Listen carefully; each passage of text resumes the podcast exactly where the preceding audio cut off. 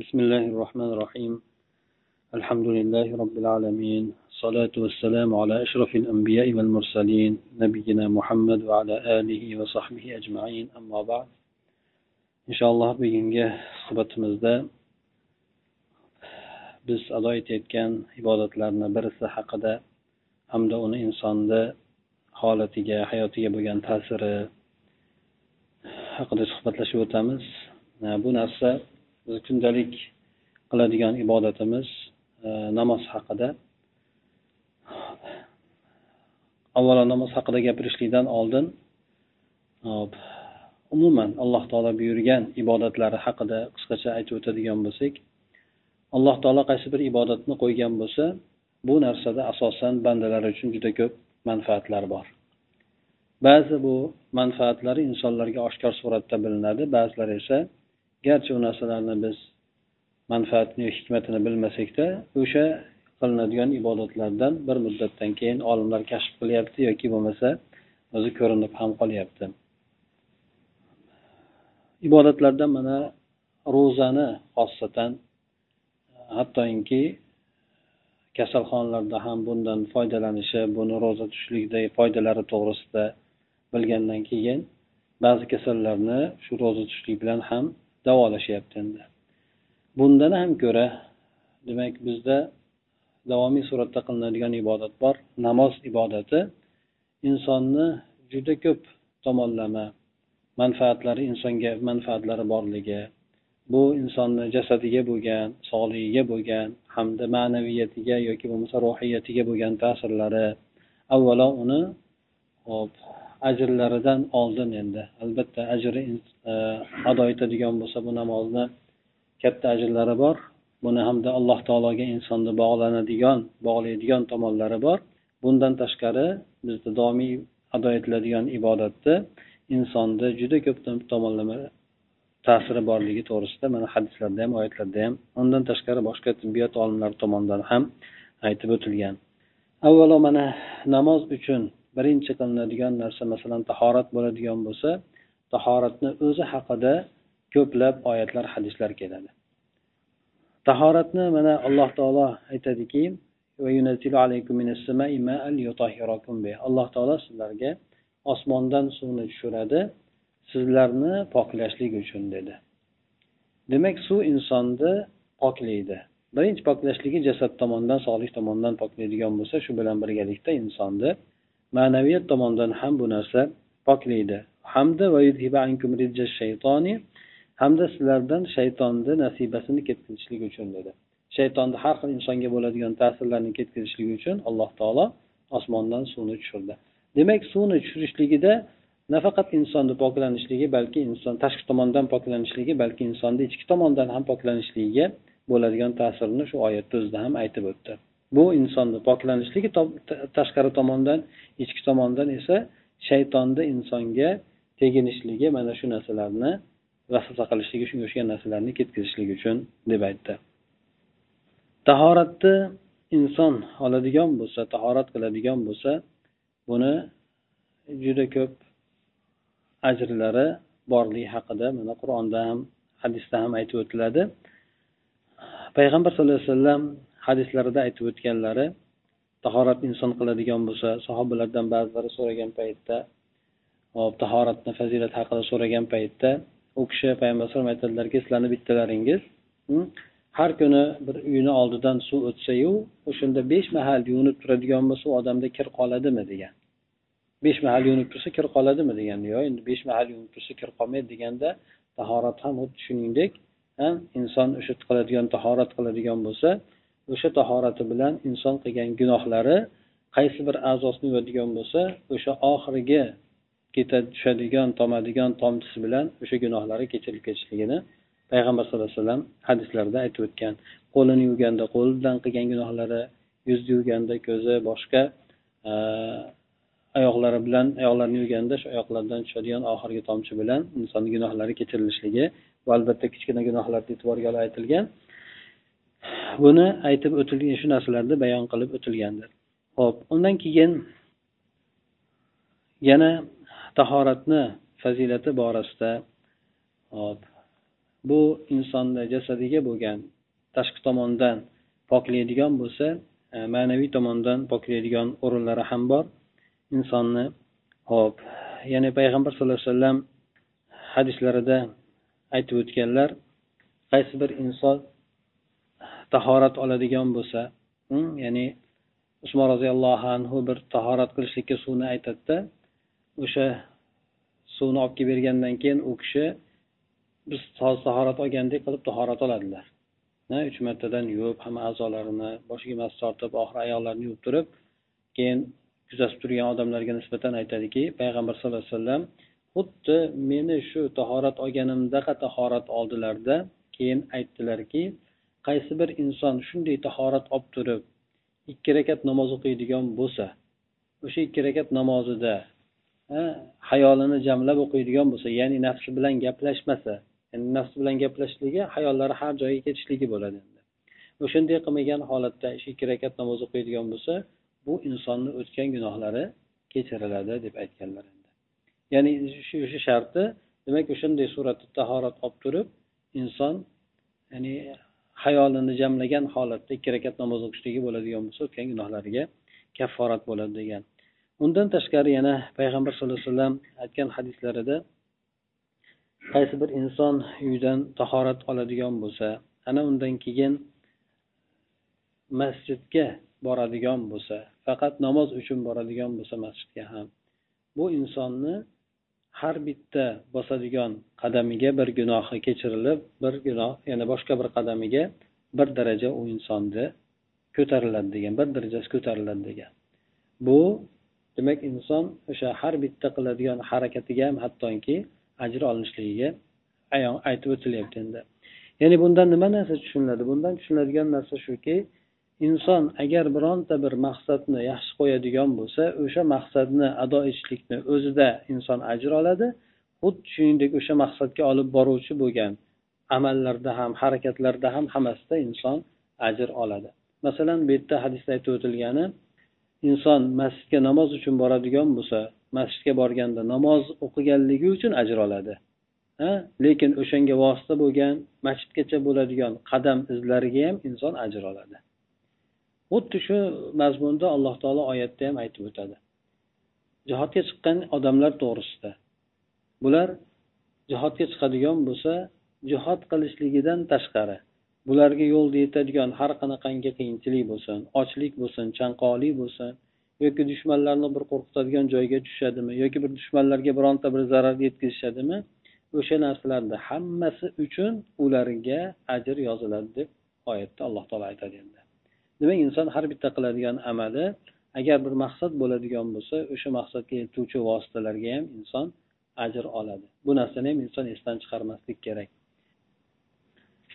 Masalan hajga boradigan odam bo'lsa o'sha hajni borib qilishligi ajrli bo'lsa hatto harakat qilishligi bilet olishga harakat qiladimi viza olishga harakat qiladimi yo boshqa harakat qiladimi o'shalarni hammasiga ham inson xuddi o'sha hajga ketayotgandek ajrini inson oladi endi. Bu insonni hamma qiladigan ibodat amallarda xuddi shunday bo'laveradi.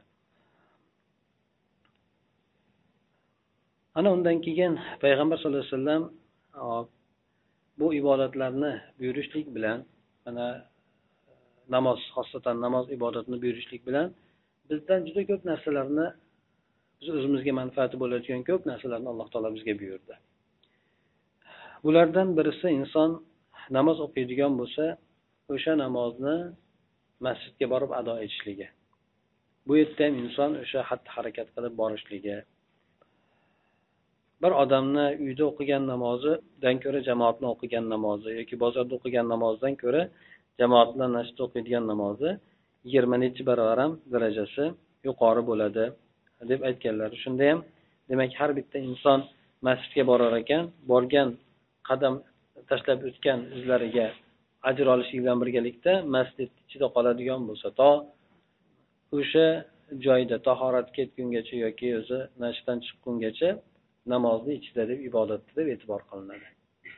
Masalan masjidga kelgan odam o'sha masjidda namozdan keyin qoladigan bo'lsa ham ibodatda deb e'tibor qilinadi. Hattoki to ado etilib bo'lgan bo'lsa ham namozni o'sha masjidda o'tirib qoladigan bo'lsa o'sha ibodatda deb e'tibor qilinadi. Farishtalar unga o'sha modomiki o'sha namoz o'qigan joyida davom etar ekan. Farishtalar uni haqqiga duo qilib turadi. Aytishadiki parvardigor olam uni rahmatingga olgin uni gunohlarini kechirgin uni e, tavbalarini qabul qilgin deb farishtalar aytib turadi deydi. Yana namoz o'qishlikni tahorat olishlikni insonni e, holatiga bo'lgan manfaatlaridan payg'ambar sallallohu alayhi vasallam bir hadislarda aytib o'tadilarki shayton sizlarni bittalaringizni boshiga orqa tomoniga bir tugunlarni bog'laydi deb keladi. Ya'ni miya tomoniga shayton tugun bog'laydi. Bu uchta tugun bog'laydi uxlayotgan paytida. Hamda har bitta tugun bog'layotgan paytda aytadiki insonga hali seni oldingda kechasida tun uzoq bemalol uxlayvergin damingni olavergin deb insonni allalab qo'yadi endi. Inson qachonki uyg'onib turmoqchi bo'ladigan bo'lsa uyqusidan ba'zi masalan inson sezadi o'zida turaman desa turolmaydi turgisi kelmaydi. Hattoki zona qo'ygan bo'lsa ham bosh qo'ygan bo'lsa ham inson ko'pincha demak turaman desa ham turgisi kelmayotadi. O'sha shayton demak insonga ko'pincha ya'ni yotaver hali vaqt bor boshqa bor deb aytadi. Inson bu narsani o'zida ham his qilishligi mumkin bemalol. Agar alloh taoloni zikr qiladigan bo'lsa o'sha shayton bog'lagan bitta tugun yechiladi deydi. Agar e, o'sha turib turib keyin alloh taoloni zikr qilgandan keyin borib tahorat qilsa ikkinchi tuguni bu yechiladi. Undan keyin ikki rakat namoz o'qiydigan bo'lsa o'sha shayton bog'lagan hamma tugunlar yechiladi. Bu inson e, bir dili yayragan bir yayragan bir faol bo'lgan holatda ertalab turadi deydi. Aks holda inson nafsi bir xira dili xira bo'lgan holatda dangasa bo'lgan holatda tong ottiradi deydi. O'sha inson kechasida turib alloh taoloni e, tongda turgan paytda alloh taoloni eslaydigan bo'lsa e, hamda tahorat oladigan bo'lsa namoz o'qiydigan bo'lsa bu narsasi insonni kunni qanday boshlashligiga kattagina ta'sir qilar ekan. Ya'ni inson dili ochilib yayragan holatda turib bir faoliyat bilan bir bir ishchan bo'lgan holatda turishligi o'sha alloh taoloni eslab tahorat qilishligi namoz o'qishligiga bog'liq ekan. Aks holda inson demak dili xira bo'lib ko'ngli nimagadir g'ash bo'lib bosh bo'lib bir dangasa bo'lib turadi deb payg'ambar alayhisalom aytganlar endi. Yana juma borasida e, tahorat qilib kim uyida tahorat qilsa tahoratini chiroyli oladigan bo'lsa keyin juma namoziga kelib shu juma namozini tinglab eshitadigan bo'lsa bu odamni ham o'sha ikkita jumani o'rtasidagi bo'lgan gunohlari kechiriladi. Bunga uch kunni ziyoda ham qilib beriladi. Kim o'sha e, juma namozida bir e, behuda bir xatti harakatlarni qiladigan bo'lsa lekin bu ajrlardan mahrum bo'lib qoladi deb aytilgan ekan. Bu insonni e, asosan tahorati to'g'risida kelgan rivoyatlarida yoki o'sha gaplarida endi e, namozi haqida aytadigan bo'lsak insonni namozini insonni hayotiga yoki bo'lmasa holatlariga qanday ta'sir bo'ladi? Namoz alloh tomonidan insonga qattiq ta'kidlangan holatda buyurilgan farzlardan bittasi bo'ladi. Namozni asosan siri bu banda bilan allohni o'rtasidagi bo'lgan aloqa. Bu aloqa insonni hayotiga albatta ta'sir qiladi. Masalan oddiy misol. Inson bir kattaroq bo'lgan odam bilan bir uchrashib ko'rishib nima qiladigan bo'lsa o'sha narsasi kechgacha insonni bir ancha bir yaxshi holatda olib yuradi. Men palonchi bilan ko'rishdim yoki bo'lmasa o'shanga bironta bir hojatini ko'tarmoqchi bo'lsa boshqa bo'ladigan bo'lsa shunga uchrashdim boshqa bo'ldi kechgacha ancha yozilib yuradi endi. Ba'zida bir necha kungacha u narsa yetadi. Ba'zida inson masalan aytaylik o'ziga yaqin bo'lgan masalan ota onasi bilan ko'rishib qoladigan bo'lsa boshqa bo'ladigan bo'lsa bu ham anchagina insonga ta'siri bo'ladi o'sha narsani. Hech bo'lmasa shuning uchun bo'ladiyu masalan inson e, ota onasi bilan ko'rishmayotgan bo'lsa bir ko'rishib qo'ysa bir muddatgacha o'sha narsa ancha ko'nglini taskin topib turishligiga sabab bo'ladi endi. Ya'ni inson bir yaxshi ko'rgan tomoni bilan uchrashadigan bo'lsa endi aloqa qiladigan bo'lsa bog'lanadigan bo'lsa. Endi inson olloh bilan bog'lanishligini albatta insonni hayotiga ko'p tomonlama ta'siri bo'ladi endi.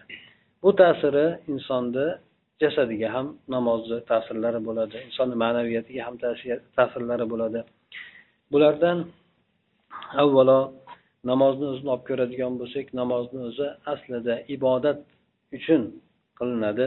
Buni skulptura bo'lganligi uchun yoki insonni sog'ligiga boshqa narsalarga ta'siri bo'lganligi uchun emas. Avvalo namozni alloh taologa ibodat bo'lganligi uchun qilinadi lekin ibodat bo'lgandan keyin uni o'ziga yarasha rukulari bor sajdalari bor shu insonni xatti harakatlari bor.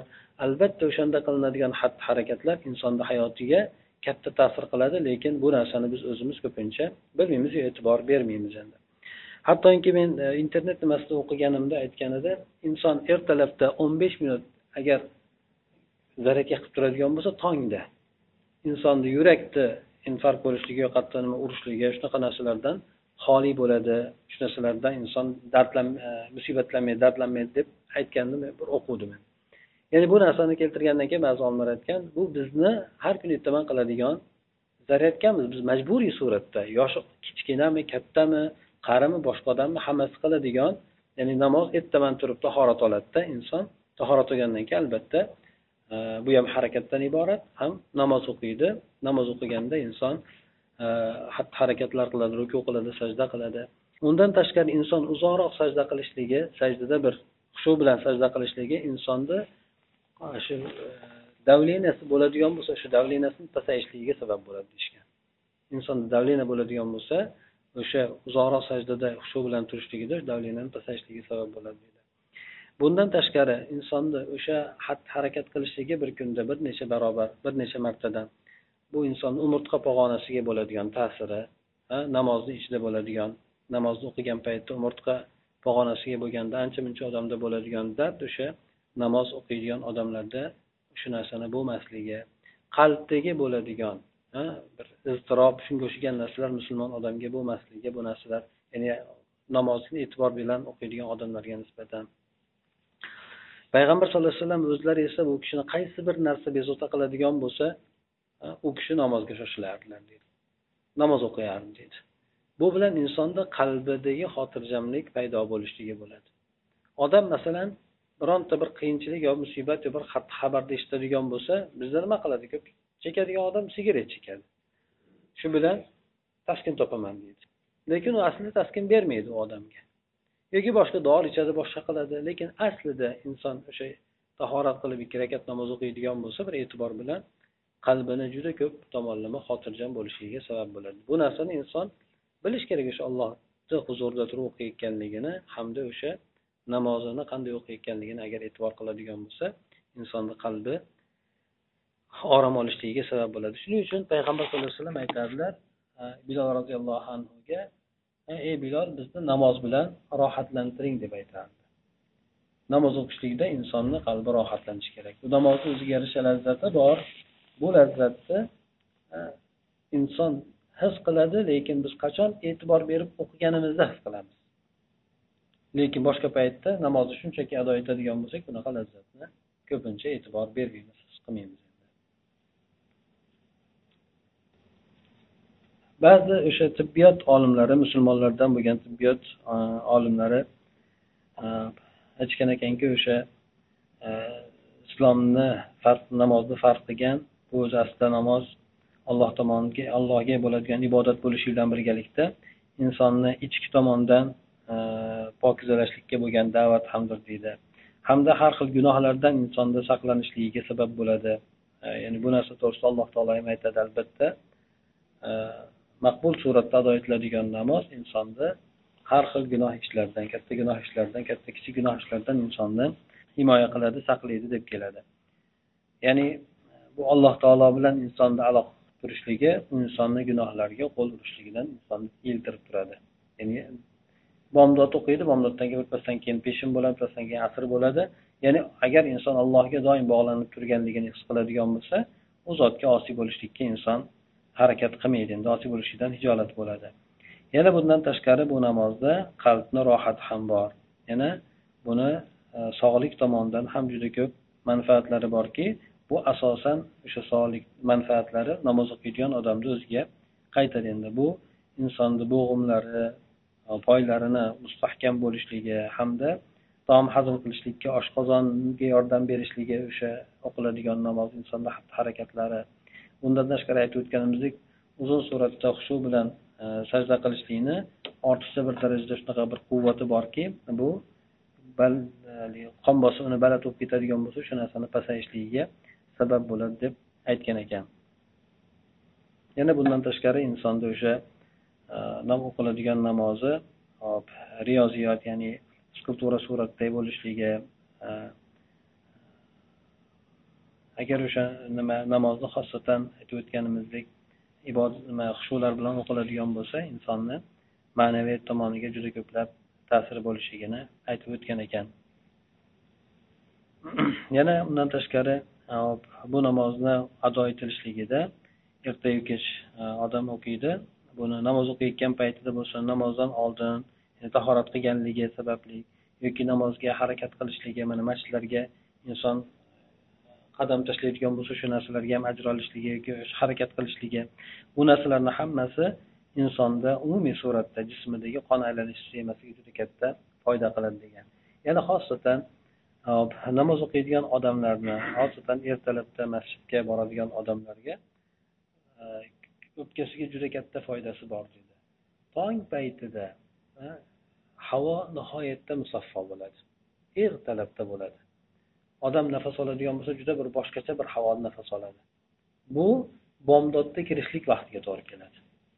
Bomdodda kirishlik paytida agar inson tashqariga chiqib bir nafas oladigan bo'lsa juda bir yengil bir havo nafas oladi. Bu ham demak o'sha namozni beradigan foydalardan inson o'sha xosatan tashqariga chiqadigan bo'lsa biz o'zimizni tashqariga chiqiladi tahoratga bu yerda domni ichida bo'ladiyu lekin e, masjidga boradigan bo'lsa yoki tashqariga chiqadigan bo'lsa ayni o'sha paytda inson sezishligi mumkin bu narsani o'sha qalbiga bo'lgan e, o'pkasiga bo'lgan foydasini ham. O'sha ertalabda demak musaffo toza havo bo'lishligi bu narsa bilan inson nafas olishligi yana bundan tashqari hop payg'ambar sallallohu alayhi vasallam aytganlaridek e, ko'zim quvonchi namozda qilindi deb aytdi. E, bu kishi ertalab o'sha namoz namozda o'sha mo'min odamga rohat bo'lishligi bilan birgalikda inson o'zi yaxshi ko'radigan o'zi hop intilayotgan yoki bo'lmasa ibodat qilayotgan zot bilan e, aloqada bo'ladida o'sha zotga bemalol hojatlarini qancha bo'ladigan bo'lsa aytadi. Bunda ham insonni ba'zida bir musibat bosh bo'ladigan bo'lsa inson kimgadir aytib turib ko'ngli yoziladi aytgan kimgadir aytadi shikoyatni qiladi. Lekin inson alloh taologa shikoyat qiladigan bo'lsa ko'ngli yozilishligi bilan birgalikda alloh taolodan unga najot ham keladi. Bu ham o'sha insonni alloh bilan bo'lgan aloqasidagi manfaatlardan sanaladi. Payg'ambar sallallohu alayhi vasallam hadislarni birida keltirib aytgan ekan. Bir odamga turib namoz o'qigin chunki namoz o'qishlikda shifo bor degan ekan. Namoz o'qishlikda shifo bor degan. Ya'ni qaysi kasalligini aytmagan. Umumiy suratda namoz o'qishlikda shifo bor deb aytgan ekan. Albatta namoz o'qishlikdagi shifo qalbiy qalbdagi badandagi ya'ni yurakdagi kasalliklar bo'lsin badandagi kasallar bo'lsin undan tashqari g'am g'ussalar bo'lsin e, bu narsalarga bu narsalardagi shu dardlarga shifo bo'ladi. Undan tashqari alloh taolo aytadiki ya'ni qiyinchiliklar musibatlar insonni boshiga tushadigan bo'lsa izma iz bo'lib qoladigan bo'lsa ba'zida xullas kalom qiyin holatga tushib qolgan paytida sizlar sabr bilan yordamlaninglar hamda namoz bilan yordamlaninglar inson demak boshiga musibat tushib qiyinchilik tushgan paytida ikki rakat namoz o'qib allohga dardini aytadigan bo'lsa o'sha namozni ham bir bilan o'qiydigan bo'lsa insonni qalbi taskin topishligiga sabab bo'ladi. Ikkinchidan alloh taolo uni duosini ijobat qilishligiga yaqin ham bo'ladi. Lekin bu narsani ado etishlik albatta ollohdan qo'rqadigan odamlargagina oson boshqalarga bu oson emas degan shuning uchun namoz o'qishlik odamlarga juda qiyin narsa. Lekin xudodan qo'rqadigan odamlarga bu oson narsadir namoz o'qishlik o'ziga yarasha insonni hayotiga barakot ham yaxshilik ham olib keladi. Alloh taoloni g'azabidan yoki bo'lmasa azobidan insonni saqlaydi. Undan tashqari insonni o'sha shaytonni egallab olishligidan insonni qutqaradi. Alloh taologa insonni yaqinlashadi yaqinlashtiradi. Umumiy suratda olib ko'radigan bo'lsak demak namozni insonni qalbiga bo'lsin badaniga bo'lsin hop uni a'zolariga quvvatli bo'lishligiga shunaqa narsalarga bir ajoyib bo'lgan ta'sirlari bor namozni agar inson shu namozni e'tibor berib haqiqatdan ado etadigan bo'lsa juda ko'p foyda olishi shuning uchun aytishadiki qaysi bir taqvodor odam bo'ladigan bo'lsa bu odamlarda asab kasali bo'lmashi kerak deydi. Taqvodor bo'lgan odamda asab kasali bo'lmas kerak deydi. Sababi asab nimadan kelib chiqadi insonda? Ko'p sarosimaga tushishlik siqilishlik shunaqa narsalardan kelib chiqadi endi asab taranglashligi shu narsani odam namoz bilan yengishi mumkin. Har namozda allohga bog'lanish olloh bergan qadariga rozi bo'lishlik boshqa har qanaqangi musibat kelganda ham alloh tomonidan bo'ldi deb inson qabul qilishligi masalan kamchiligi bo'lsa shuni to'g'irlagan holatda. Bu narsalar o'sha insonni asablarini taranglashmasligiga sabab bo'ladi endi. Asablar endi albatta tolalardan iborat. Har bir inson g'azablanganda yoki siqilganda boshqa qilganda asab tolalari uziladi deydi. Mana shularni oqibatida insonda asab kasallari kelib chiqadi bu yerda endi ko'p o'sha insonni umumiy suratda aytib o'tdim. Ya'ni insonni ko'p o'sha musulmon tabiblar tomonidan ya'ni insonni hayotiga bo'lgan uni sog'ligiga bo'lgan e, namozni ko'plab ta'sirlarini ko'plab olimlar tomonidan aytilgan ekan musulmon olimlar tomonidan. Bizda endi albatta o'zi namozni ado etamizu lekin ado etishligimiz bilan birgalikda agar undagi bo'lgan hikmatlarni fazilatlarni yoki sir asrorlarni biladigan bo'lsa inson o'sha narsaga jiddiyroq qarashligiga ya'ni o'sha narsadan kattaroq foydalanishligiga insonni undaydi. Mana aytaylik e, o'tgan darsimizda ham masjidga oddiygina kelib ketishlikni ana bir agar inson bir narsa o'rganmoqchi bo'ladigan bo'lsa o'sha jannatdan alloh taolo bir uyqu berishligi yoki bo'lmasa o'sha jannatga insonni dohil qilishligi shu narsalar to'g'risida ham aytib o'tgan edik. Ya'ni bu inson masjidga keladi oddiygina kelishi mumkin lekin qachoniki ajrini his qilib keladigan bo'lsa unda bu narsa insonni undovchiroq bo'ladi endi. Namoz ham xuddi shuningdek namozni biz bu narsalarni bilsak ham bilmasak ham ado etamiz. Lekin biladigan bo'lsak yana ham ko'nglimiz xotirjam yana ham o'sha narsaga intilgan holatda ado etamiz tahorat ham xuddi shunday biz. Baribir tahorat qilamiz. Lekin tahorat qilishlikda manaqa fazilatlari bor ekan. Insonni gunohlarini kechirishligiga sabab bo'lar ekan. Insonni bu qilayotgan tashqarida qilayotgan nimasi tahorati insonni qalbini ham poklashligiga sabab bo'lar ekan. Shu narsalarni biladigan bo'lsak biz jiddiyroq e'tibor beramiz. Alloh taolo masalan mast bo'lgan holatda namoz o'qishlikdan qaytardi. Birinchi mana musulmonlarni mast bo'lgan holatda namozga yaqinlashlikdan qaytargan edi aroqni yoki may bo'ladigan may mast qiladigan ichimliklarni zarari to'g'risida birinchi gapirdi. Undan keyin mast bo'lgan holatda namozga yaqinlashmanglar dedi. Butunlay keyin undan keyin harom qildi ikkinchi marhalasida ikkinchi bosqichida mast bo'lgan holatda namozga yaqinlashmaydi nimaga bunday qildi? Ya'ni sizlar namozda nima deyayotganlaringizni bilishliklaringiz uchun ya'ni inson o'qiyotgan namozda nima narsalarni o'qiyotganligini nima qilayotganligini bilishligi uchun o'sha mast qiluvchi ichimlikni ichishlikdan qaytardi. Demak biz ham namoz o'qiyotgan paytda haqiqatdan bilishligimiz kerak. Biz nima qilyapmiz nima ado etyapmiz. Ba'zida inson quloq qoqadi salom beradi o'rtada nima bo'lganligini sezmaydi ham. Ya'ni ba'zi insonda bo'ladi ehtimol ba'zi ehtimol ko'proq ya'ni bu e'tiborsizlik bilan o'qiganligi alloh taolo ayni mana shunday holatda namoz o'qishlikdan qaytargan. O'shanga boradigan narsalardan ham qaytargan. Nima narsa insonni ibodatdan mashg'ul qiladigan bo'lsa shu narsalardan inson forig' bo'lishi kerak. Birinchi masalan takbir aytadigan bo'lsa takbirda takbir tahrima deyiladi. Quloq tuqqanda allohu akbar degani tahrima deyiladi. Nimaga desa dunyo narsalari harom qilindi degani. Quloq qoqishlik bilan menga dunyo dunyoviy bo'lgan narsalar hammasi harom qilindi degan yemak ichmak gapirish bu narsalar hammasi harom qilindi xuddi shuningdek insonga hayolini boshqa narsalarga ketkazishligi ham harom qilinadi. O'sha mast qilgan mast bo'lgan holatda namoz o'qishlikdan qaytarilishligi sabab insonlar namozni ichida nima deyayotganligini bilib turishligi e'tibor berishligi uchun bo'lgandan keyin albatta biz ham o'qiydigan namozimizda nima deyayotganligimiz nima qilayotganligimizni bilib turishligimiz kerak bo'ladi. Ya'ni hech bo'lmaganda inson arabcha o'qiyotgan bo'lsa oyatlarni ma'nosini bilmasa ham lekin inson allohni huzurida turganligi o'sha alloh taologa ibodat qilayotganligi olloh bilan gaplashayotganligi shu narsalarni inson his qilib turishi kerak. Ha hamda sajdaga borganda rukuga borganda haqiqatdan alloh taoloni ulug'layotganligi sajdaga borganda ham alloh taoloni huzurida sajda qilib peshonasini yerga qo'yayotganligi inson uncha muncha narsaga o'zini xor qilmaydi bunaqa. Bu faqat olloh uchun bo'ladi. Lekin inson qanchalik allohga o'zini xor tutsa alloh taolo insonni shunchalik darajasida lekin inson insonga xor bo'lishligi bu insonni qadrini juda yerga urib lekin allohga inson xor bo'lishligi insonni qadrini ko'taradi bu narsa.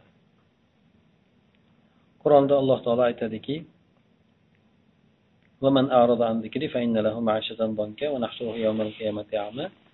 qaysi bir kimsa bizni zikrimizdan dinimizdan bizni ibodatimizdan yuz o'giradigan bo'lsa bularni siqintili hayoti bo'ladi bular uchun dedi. Siqilishli hayoti bo'ladi qiyomat kunida ko'r holda tiriltiramiz dedi. Insonni dilini yayrab yashashligi bu faqatgina mo'min odamda bo'ladi xolos.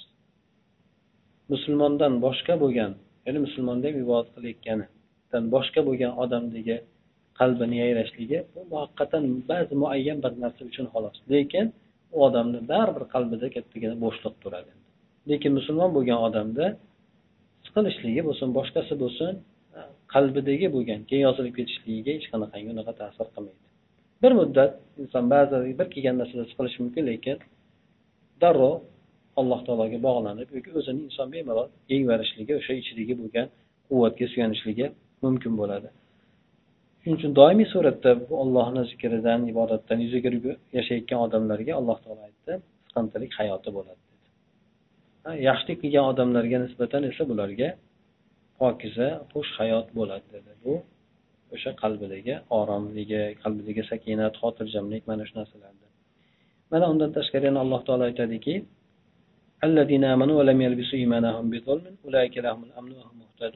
iymon keltirgan hamda iymonlarga zulmni aralashtirmagan shirk boshqa gunoh ishlarni aralashtirmagan kimsalarga xotirjamlik bo'ladi omonlik bo'ladi. Jasad tomonidan ham qalb tomonidan ham hamma tomondan omonlik bo'ladi. Ular hidoyatda bo'lgan kimsalar dedi. Demak alloh taolo insonga nima narsani farz etgan bo'lsa nima narsaga buyurgan bo'lsa birinchi navbatda alloh taolo bizni ibodatimizga ham hech narsamizga muhtoj emas. Faqatgina biz o'zimizga juda katta manfaatlar keladi. Bu aytib o'tgan narsamiz bitta namozni o'zidagi bo'lgan fazilatlari deydi insonni hayotiga bo'lgan. Buni ham bir bo'lagini aytib o'tdik xolos. Lekin inson o'sha allohga qaysi bir ibodat amalni qiladigan bo'lsa bu ibodatni orqasidan insonni ham ma'naviy tomondan poklanishligiga qalbini xotirjam bo'lishligiga hattoki jasad tomonidan ham ko'plab a'zolarga manfaati bor ekanligiga bu narsa alloh taolo buyurgan ibodatlarda ko'plab topiladiki bu narsalarni ba'zilar mana endi endi olimlar kashf qilyapti. Ilmiy tomondan isbotlab ham berishyapti bu narsalarni. Ha yana kelajakda bundan ham ko'ra kengroq suratda bo'lsa kerak. Lekin bu narsalar inson nimaga undaydi ya'ni alloh taolo biz bilan ibodatlarni buyurib yozib buyurib faqatgina bizga manfaat bo'ladigan narsani aytibdi yaxshilik bo'ladigan narsani aytibdi. Nimani harom qilgan bo'lsa alloh taolo bizdan u narsani yomonligini yo'q qilishlik uchun harom qilgan. O'sha narsani aslini tagini tekshiradigan bo'lsa juda ko'plab harom bo'ladi e, zarar bo'ladigan narsalar bor mast qilish ichimlik bo'ladimi cho'chqa go'shti bo'ladimi boshqa hattoki musulmon odam so'ymagan yoki harom o'lgan e, go'shtlar bo'ladimi yoki masalan sigaret bo'ladimi uni masalan aytaylik birinchi chiqarish chiqarishni endi hozir hamma yoqda u narsasini man qilyapti bu narsasini man qilyapti. Hatto insonni mana nafas oladigan yo'li bo'lgan raklar juda ko'p bo'lganligi bu narsa. Bu o'sha ollohni nima narsadan qaytargan bo'lsa yoki shariatimizda nima narsadan qaytarilgan bo'lsa o'sha narsalarni juda ko'plab yomonliklari insonga insonlarga bo'ladigan yomonliklari sekin sekin kashf etilyapti. Bu narsalar demak bilish kerakki inson alloh taolo nimasiga buyurgan bo'lsa u narsalarda zarar bor ekan. Bizni manfaatimiz uchun buyuribdi e, qaytaribdi. Nimaga buyurgan bo'lsa bizni manfaatimiz uchun buyuribdi. Ham bu narsalar o'z öz o'zidan insonni allohga yaqinlashtiradi. Bu esa hayotini bir barakotli bo'lib o'tishligiga sabab bo'ladi. Shu shuning uchun inson qaysi bir ibodat amalni qiladigan bo'lsa uni yuzaki suratiga emas balki uni mohiyatiga ham e'tibor berib qilsa shunda ibodati samaraliroq bo'ladi. Hatto tahorat qilayotganda ham namoz o'qiyotganda ham ro'za tutayotganda ham. Payg'ambar alayhissalom aytganlar masalan kimki mana hadis qudusiyda aytadi behuda gaplarni tarqamaydigan bo'lsa bekorchi behuda gaplarni tarqamaydigan bo'lsa bu bandani och qolishligi chanqa holatda qolishligida alloh taoloni hech qanaqangi hojati yo'q deb aytgan. Ya'ni agar inson ro'zada ma'naviy tomondan poklanmas ekan bu odamni och qolishligida manfaat yo'q degan alloh taolo hech qanaqa hojat yo'q. Demak ro'za aslida insonni ma'naviy poklanishligi uchun farz qilindi ma'naviy poklanishligi uchun.